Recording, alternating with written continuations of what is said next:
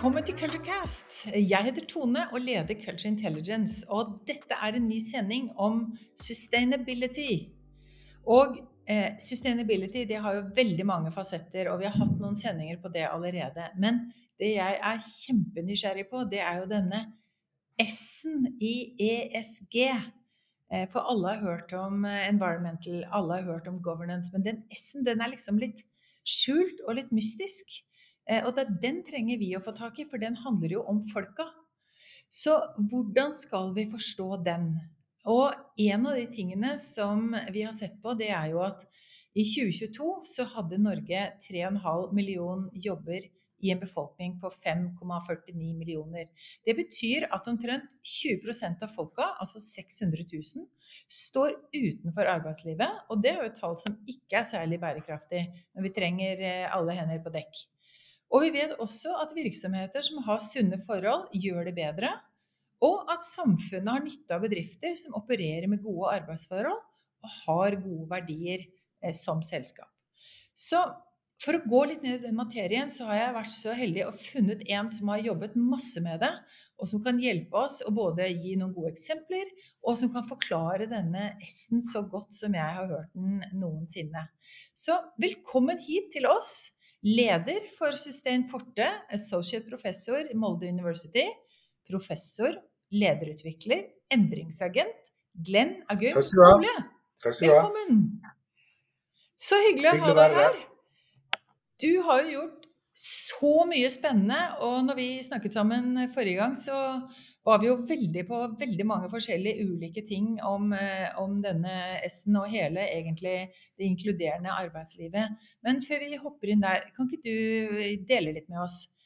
Hvor, hva har du gjort, og hvorfor har du blitt så interessert i dette temaet, du også? Ja, jo, jeg bruker ofte å si det at Norges største bærekraftsutfordring det handler verken om dieselbiler eller om flyreiser. Det handler om et voksende utenforskap. De siste 10-12 åra har jeg også vært heldig å være mentor ved USN, eh, Universitetet i Sørøst-Norge her i Drammen.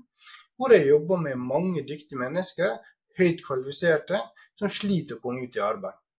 Og Det som ofte da eh, vi ser, er jo det at kanskje pga. at du har utenlandsk opprinnelse, du heter noe annet, eh, kanskje du til og med har en annen kulturell bakgrunn, kanskje bruker i tillegg hijab, som gjør at du sliter med å komme inn på arbeidsmarkedet. Og da tenker jeg Vi er nødt til å bearbeide den S-en i sosial bærekraft, eller i bærekraft, i mye større grad enn hva vi har gjort fram til nå. Du, du, nevnte også det at det er 600 000 som står utenfor arbeidslivet. 600 000 er én av fem. Samtidig står næringslivet og roper etter flere hender og hoder. Og jeg sier man må bruke de hendene og de hodene vi allerede har. Jeg er tidligere toppleder av Fretex miljø. Eh, de fleste kjenner jo til Fretex-konsernet, hvor jeg også jobber der profesjonelt med å få folk tilbake i arbeid. Og selv i samtlige bedrifter vært tidligere har jeg alltid henta ut mennesker fra Nav-systemet og fått dem tilbake til arbeidslivet, med stor suksess. Vi har også mange eksempel. Vi har et eksempel i um, Unicus, et selskap som kun ansetter folk med Asperges og autisme Eh, med stor suksess. Så det er masse eh, bevis på at å hente folk tilbake til arbeidslivet hvis du er villig til å tenke litt annerledes. Ja, og, og, dette er jo det som er det spennende. fordi For det første så tror jeg ikke folk jeg tror ikke at folk har de tallene, og jeg tror ikke at vi har tenkt på det på den måten i hvert fall som du deler med oss nå. Og det jeg blir veldig nysgjerrig på, det er Fins det noen god forklaring på at det er sånn, sånn overordnet? Og så er det jo veldig mange underpunkter på det spørsmålet. Men la oss starte med Fins det liksom noen klare faktorer som er et mønster? Det finnes ingen klare tydelige, men det jeg tror er en av de tydeligste, da, hvis du skal se det ut fra et eh, vanlig perspektiv, det er at eh, vi er veldig skeptiske til det som er ukjent. Jeg tror mye av skepsisen til de som står utenfor arbeidslivet, begynner med oss selv. Det er sagt mange ganger. Vi må begynne med oss selv og utfordre oss selv, og ikke være skeptisk til det som er ukjent. Det begynner først og fremst der. Samtidig som du ser utenforskap. Du har utenforskap på skolen, du har utenforskap i arbeidslivet. Og det begynner også med dialogen vi har rundt kjøkkenbordet, hvordan vi også ser på andre mennesker. at de er likestilte, selv om du nødvendigvis ikke har 110 arbeidskapasitet. Så det du egentlig har gjort, det er å si her ser jeg en ressurs. Eh, den er ikke som alle andre, men denne tror jeg vi kan bruke til dette.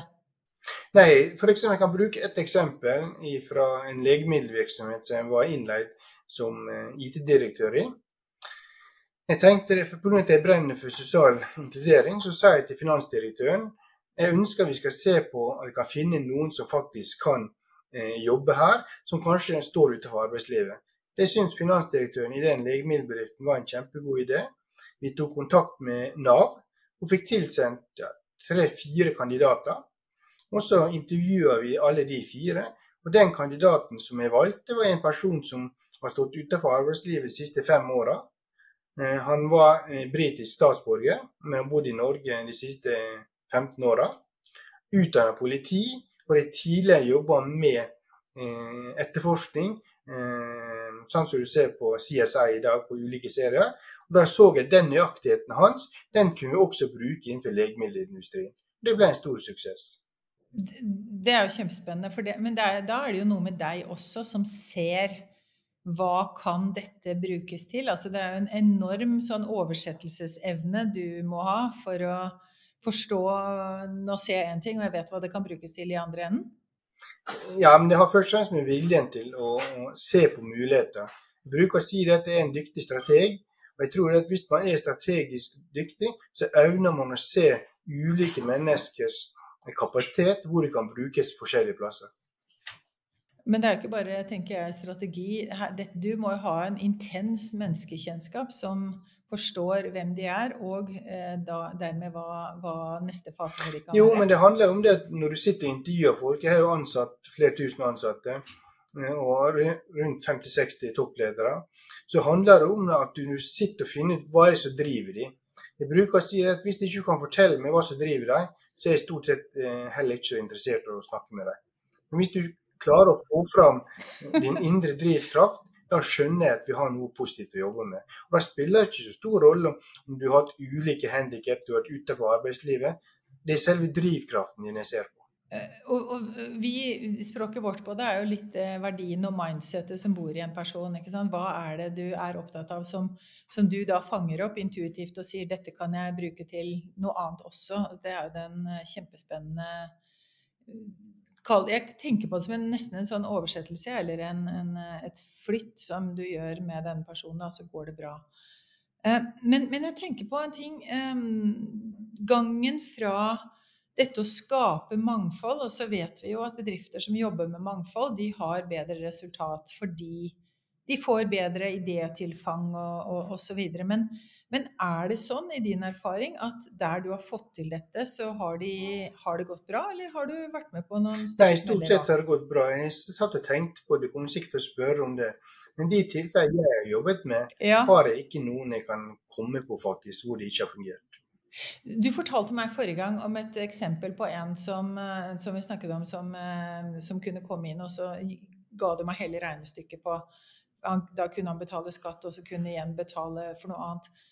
Ta meg med gjennom en, en sånn reise på hvorfor dette er vellykket å gjøre det som, du, det som du sier nå. Både for bedriften, men også for oss i samfunnet. For det er jo da vi kommer opp til den S-en i, i ESG. Altså dette har en samfunnsmessig viktig, definert, lønnsom eh, Jo, det, det, jeg vet ikke jeg husker ikke nøyaktig hva du tenkte på, men én case er jo det som en jeg kjenner. Han er utdanna statsautorisert revisor og utdannet og jobba flere år innenfor det.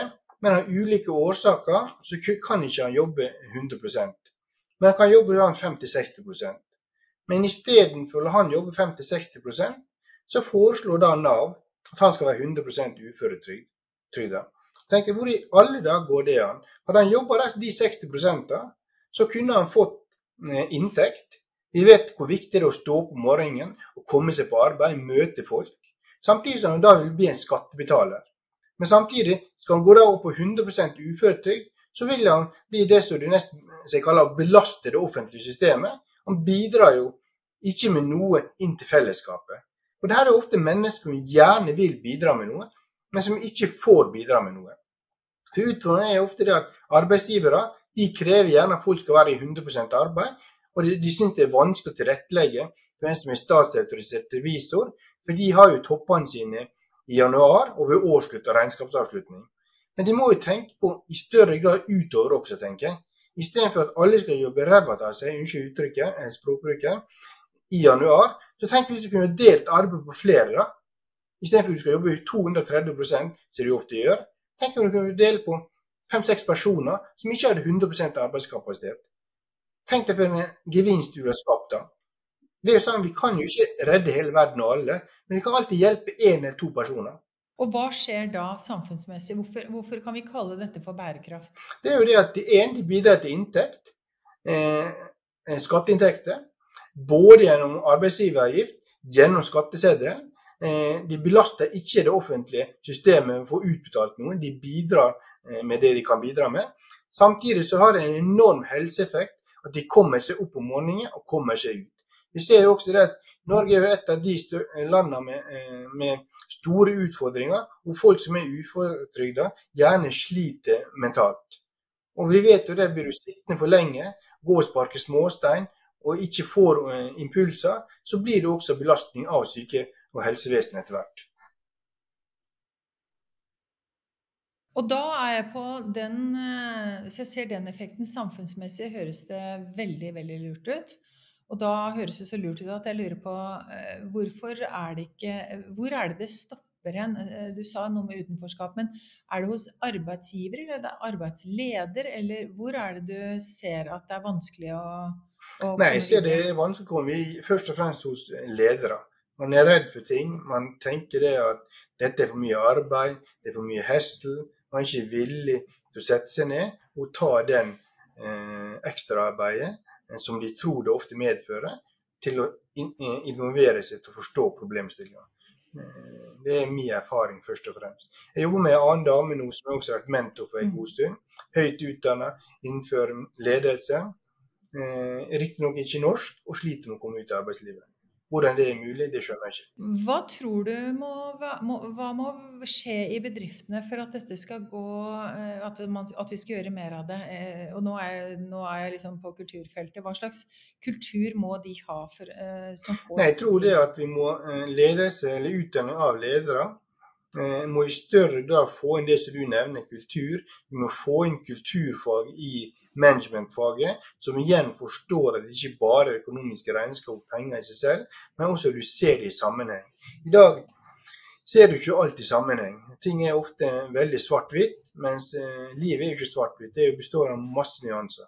Hva tror du de bedriftene som vi snakker om, som, liksom, som vi da tenker kan være mer bærekraftige på S-en, hva, hva, tror du de skal ha mer av? Hvilke verdier tenker du at er, De må jo ha mer av eh, Vi ser jo det som du nevnte, at de som har fokus på det, virkelig ikke bare snakker om det, de genererer høyere profit, høyere inntjening. Hvorfor gjør de det? Det er jo pga. at du får opp flere perspektiver, du får opp flere ideer, og du treffer flere i markedet som gjør at du kan levere nye tjenester. Og Det er jo det det handler om. Vi har mange eksempler i dag.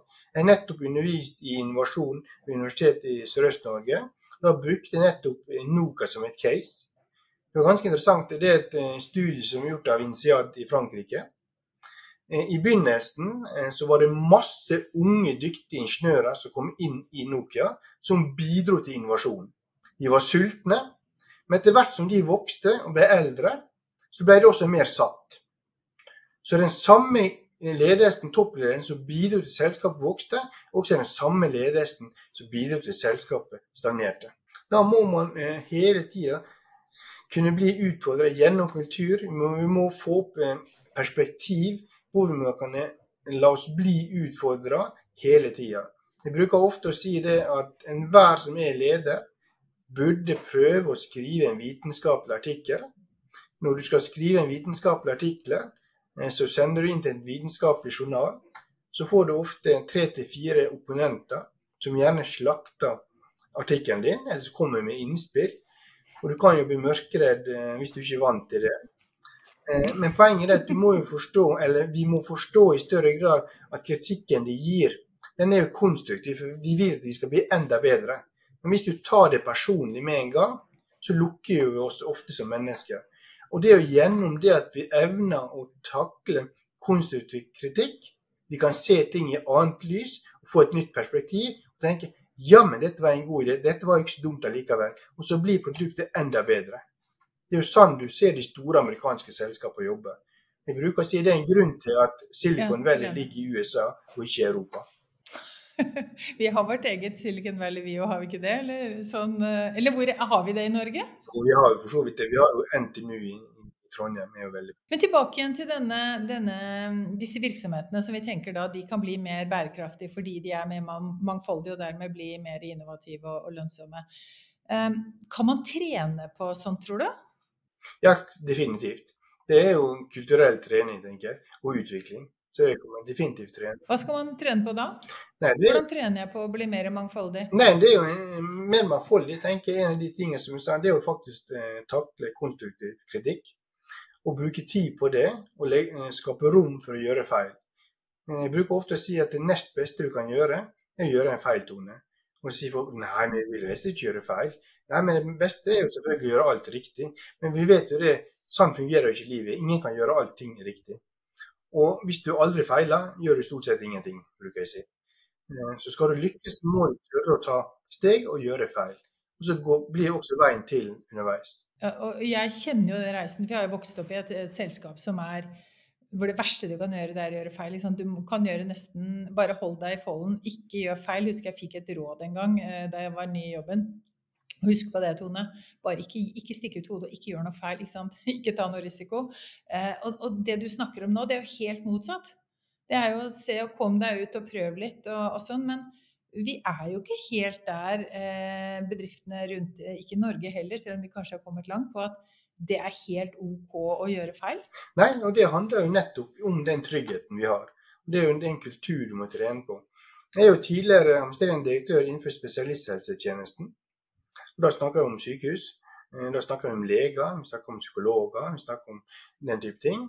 Og det var innenfor eh, tverrfaglig spesialisert rehabilitering. Da jeg kom inn i virksomheten og skulle bistå til å se på den, så hadde den 18 måneder lange venteliste. Det er ganske lenge. Eh, og det er det så vanlig. Men samtidig så vet vi det at idet en lege sier at ting er ikke forsvarlig, medisinskfaglig ansvarlig, så stopper du. Da har du ingen Eh, ting å komme med som en administrerende direktør, eller moment. På grunn av, hvis det skjer noe medisinsk, så er jo det en stakkars legen som selvfølgelig også blir hengt av eh, helsemyndighetene, for han sitter med det. Men det som jeg sa, er det bedre at vi ikke klarer å behandle folk, og folk eh, enten dør i helsekøene, eller den type ting. Nei, selvfølgelig er det jo ikke det. Så da satte vi ned en måte å jobbe på. Det var TSR, det som heter tverrfaglig spesialisert rehabilitering. Hvor vi istedenfor at tidligere så fikk man inn søknad på hvem som skulle behandles. Da satt det først et inntakskontor, så var det en lege, så var det en psykolog. Det var lange prosesser. Men så sier jeg dere må sette dere ned sammen og se på hvordan dere kan jobbe tverrfaglig. Og gjennom den prosessen så reduserte vi ventelisten med 36% Og det er den måten vi må jobbe på. Men hvordan kan man, hvordan kan man eh, insentivere dette, tror du, i virksomhetene nå? Hva har du tenkt om det?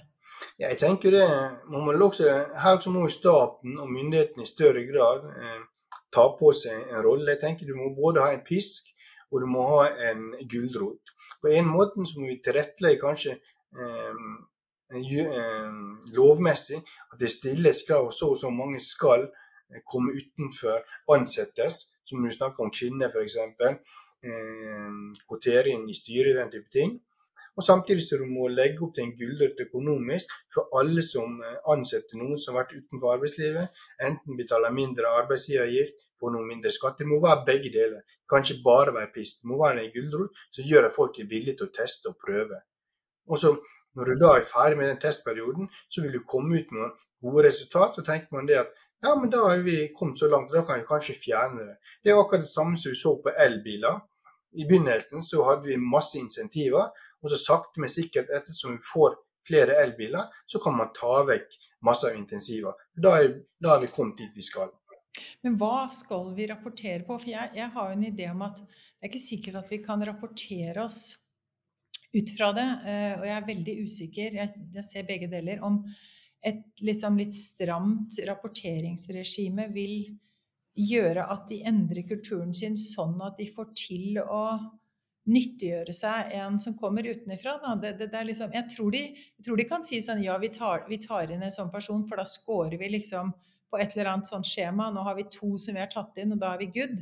Men, men det er ikke det det går om. Det handler jo om få de integrert, få de til å virke og få dette til å bli en helt naturlig og, og bra, bærekraftig løsning både for personen og for virksomheten.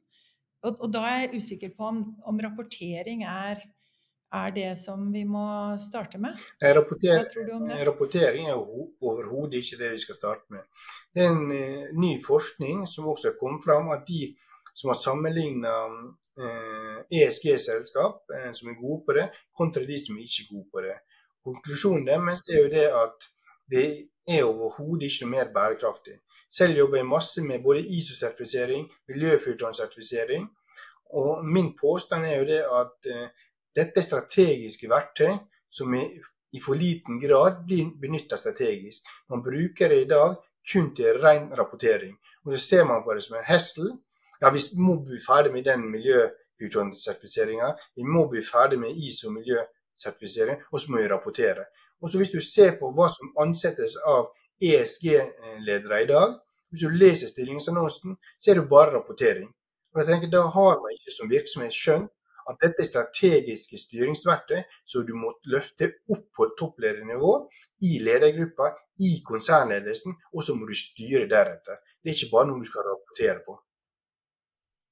Og Det der tror jeg veldig på, fordi jeg tror det rapportering er jo hassle. Så, så, hvis vi kunne klart å bruke den gulrotbiten bedre, da, og, og, og, få til en Dette gjør vi fordi det bygger oss inn til å være en mer bærekraftig virksomhet. For det er det vi jakter på alle sammen. Vi, vi, kan ikke holde på med det vi gjør nå fordi det er ikke lønnsomt og bærekraftig. Så, så, så hvis vi kunne klart å fokusere nok på det, så, så kanskje det, det var en, en, måte å fungere på som ble bedre for alle. Men, men de må vel antageligvis allikevel ha noen hjelpemidler, da, eller noen altså, Ta en hvilken som helst bedrift som, som ikke gjør dette til noe. Hva, hvor begynner de hen med hva skal man begynne med? Nei, Hvis du tenker på hjelpemidler, ett hjelpemiddel som en stat kan komme med, det er faktisk å se på arbeidsgiveravgifter. Kan den kuttes, f.eks.? Hvis du tenker eh, samfunnsøkonomisk, så er det bedre at den arbeids, eh, arbeidsgiveren får lavere arbeidsgiveravgift, eller at staten skal betale 100% uføretrygd. Ja, det skjønner jeg går opp for staten. Men dette tar jo kjempelang tid, og disse endre arbeidsgiveravgiftene og alt sånt. Men kunne man gjort noe liksom som, som ikke koster noe, som starter i morgen? Det, det er litt de, de, grepene der jeg tenker hva, hva tror vi ville vært en bra ting? Da må det være at du får med deg flere ledere og toppledere i en dugnad. Eh, jeg vet ikke om du leste eh, konsernsjefen i Aker, Øyvind Eriksen. Han hadde en bra artikkel på Kreftforeninga hvor han sa ingenting skjer før bedriften bestemmer seg for at de skal endre og åpne for nettopp mangfold og inkludering. Det må være en strategi. Nettopp. Og så da la han ja, så da la han det på bedriften og sa at det er en beslutning som starter ja. her hos oss. Ja. ja. Og før det, før noen da ledere er trygge nok til å ta det valget, så må jo noe ha foregått liksom med mindsettet deres eh, flytte det litt fra 'vi er her for å tjene penger' til 'vi er her for å være en bærekraftig bedrift'. Ja, men det er ikke eh, så, Det er ikke motsetning av det. Nei, det, nei men det, det må, nå leter jeg etter hvor begynner det? Ja. For det har jo begynt lenge før bedriften tar den beslutningen. Så noen har satt det på agendaen, og så har noen sagt først nei, tenker. Nå tenker jeg bare høyt, da. Noen har Nei, dette var skikkelig dårlig du sier sånn til meg eh, nå, nå, starter vi med dette, Tone. Og så tenker jeg først nei, dette er en skikkelig dårlig idé, for det har vi ikke tid til. Eller vi har ikke råd til å Vi har ingen folk som kan lære de opp. Eller, altså, vi kan ha masse gode argumenter på det. Og så snakker vi litt mer om det, og så finner vi ut at det er faktisk en veldig god løsning allikevel. Og da bestemmer vi oss for å bli en sånn bedrift. Er, er det omtrent sånn den veien går, tror du? Dessverre så, så er jeg ikke redd for det, det er der det går, ja. Det må være, du må finne, det må være ildsjeler som bestemmer seg for at dette har vi tro på, dette vil vi banke gjennom. Eh, det må være folk i bedriftsstyrer som faktisk sier dette skal vi gå eh, foran med, og så må de utfordre administrasjonen i de ulike selskapene. Og alle som er konsulenter, jeg har vært konsulent i mange år, Bakgrunnen for at jeg fikk inn vedkommende i den legemiddelbedriften, var jo pga. at jeg har det perspektivet at jeg ønsker å bidra til noe større enn meg selv. Og jeg tenker Hvis alle Mm. hadde tatt det Vi kan aldri hjelpe alle sammen, men hvis, vi kan alltid hjelpe én hver. Hvor mange ledere har vi rundt omkring i dag? Så har vi fint klart å få de 600 000, eller hva som er, er utenfor arbeidslivet, tilbake i arbeid. Hvis vi bare er villige til å hjelpe igjen. Mm. Så hvis alle tok igjen Ja, Det skal få lite til. Eh, Er det, er, er det noe umiddelbar gevinst sånn Nå har vi snakket om samfunnsmessig, og vi har snakket om at bedriften blir mer innovativt, men er det noe sted man også da kan synliggjøre Fins det noe sånn eh, nå, nå har vi hjulpet til, eh, vi er en del av denne klubben som tror på dette og får det til? Eller er det, er det to be invented? Ja, det må vel eh, bli å. For alle snakker om det. Alle knytter seg til FN sin bærekraftsmål, Ja. og så blir det med det. Ja. Ja. Ja, Da må du lage det. det, da. Lage en sånn klubb. Kanskje det, det ja. er neste oppgaven din? men, men det, er jo, det er jo et er et verdi. verdivalg, det der, tenker jeg. Det er jo et verdivalg. Og eh, da er det jo fristende å spørre er hva tenker du om bevisstheten til ledere innenfor sitt eget, sine egne verdier og de valgene de gjør? Ja, uten å skjære alle over én kam, så tenker jeg det at Ja. eh, vi, vi er altfor lite bevisste. Generelt sett. Og det ser vi jo ut Ja. på egne På verdier, egne ja. verdier.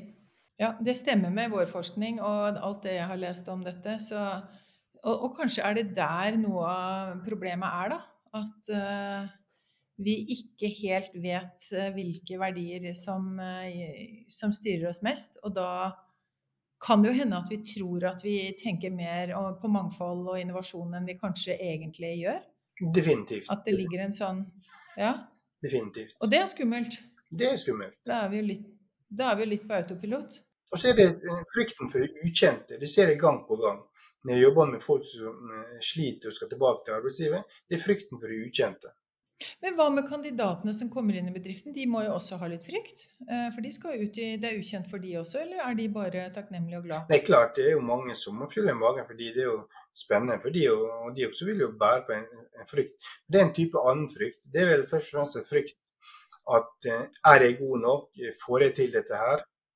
Eh, Mens frykten jeg føler hos arbeidsgivere er det at ja, men dette var noe rart, dette eh, føler jeg meg ikke helt komfortabel med. Du har tydeligvis kommet veldig langt i dine verdivalg eh, og, og bevisste Hvordan har du fått til det? Oi, det var et stort spørsmål. Eh, Nei, jeg har alltid vært interessert i mennesker. Jeg har alltid sett det positive i mennesker. Jeg har alltid sett og har tro på at de fleste har noe å bidra med. Så hvordan det har vært sånn, det, det kan ikke svare på. Det har bare alltid vært sånn. Eh, Fra du var liten, så har det vært sånn Eller har du lært av noen? Nei, jeg tror jeg stort sett har vært sånn. Hvor, hvor bevisst er du på hvordan verdiene styrer nå, da? I, i, Nei, det er jo det at jeg prøver så godt jeg kan eh, at det samsvarer med eh, det jeg sier og det jeg gjør. Og det er jo det jeg ofte eh, føler mangel på i samfunnet i dag. At folk sier én ting, eller bedrifter sier én ting, og så gjør de noe annet. Og det har du, eller det har vi kalt for greenwashing. Eh, vi, vi sier at vi gjør noe, så, og så gjør vi det ikke allikevel. Eh, vi bare later som. Som leder så må du faktisk, eh, predik må du faktisk gjøre det du predikerer.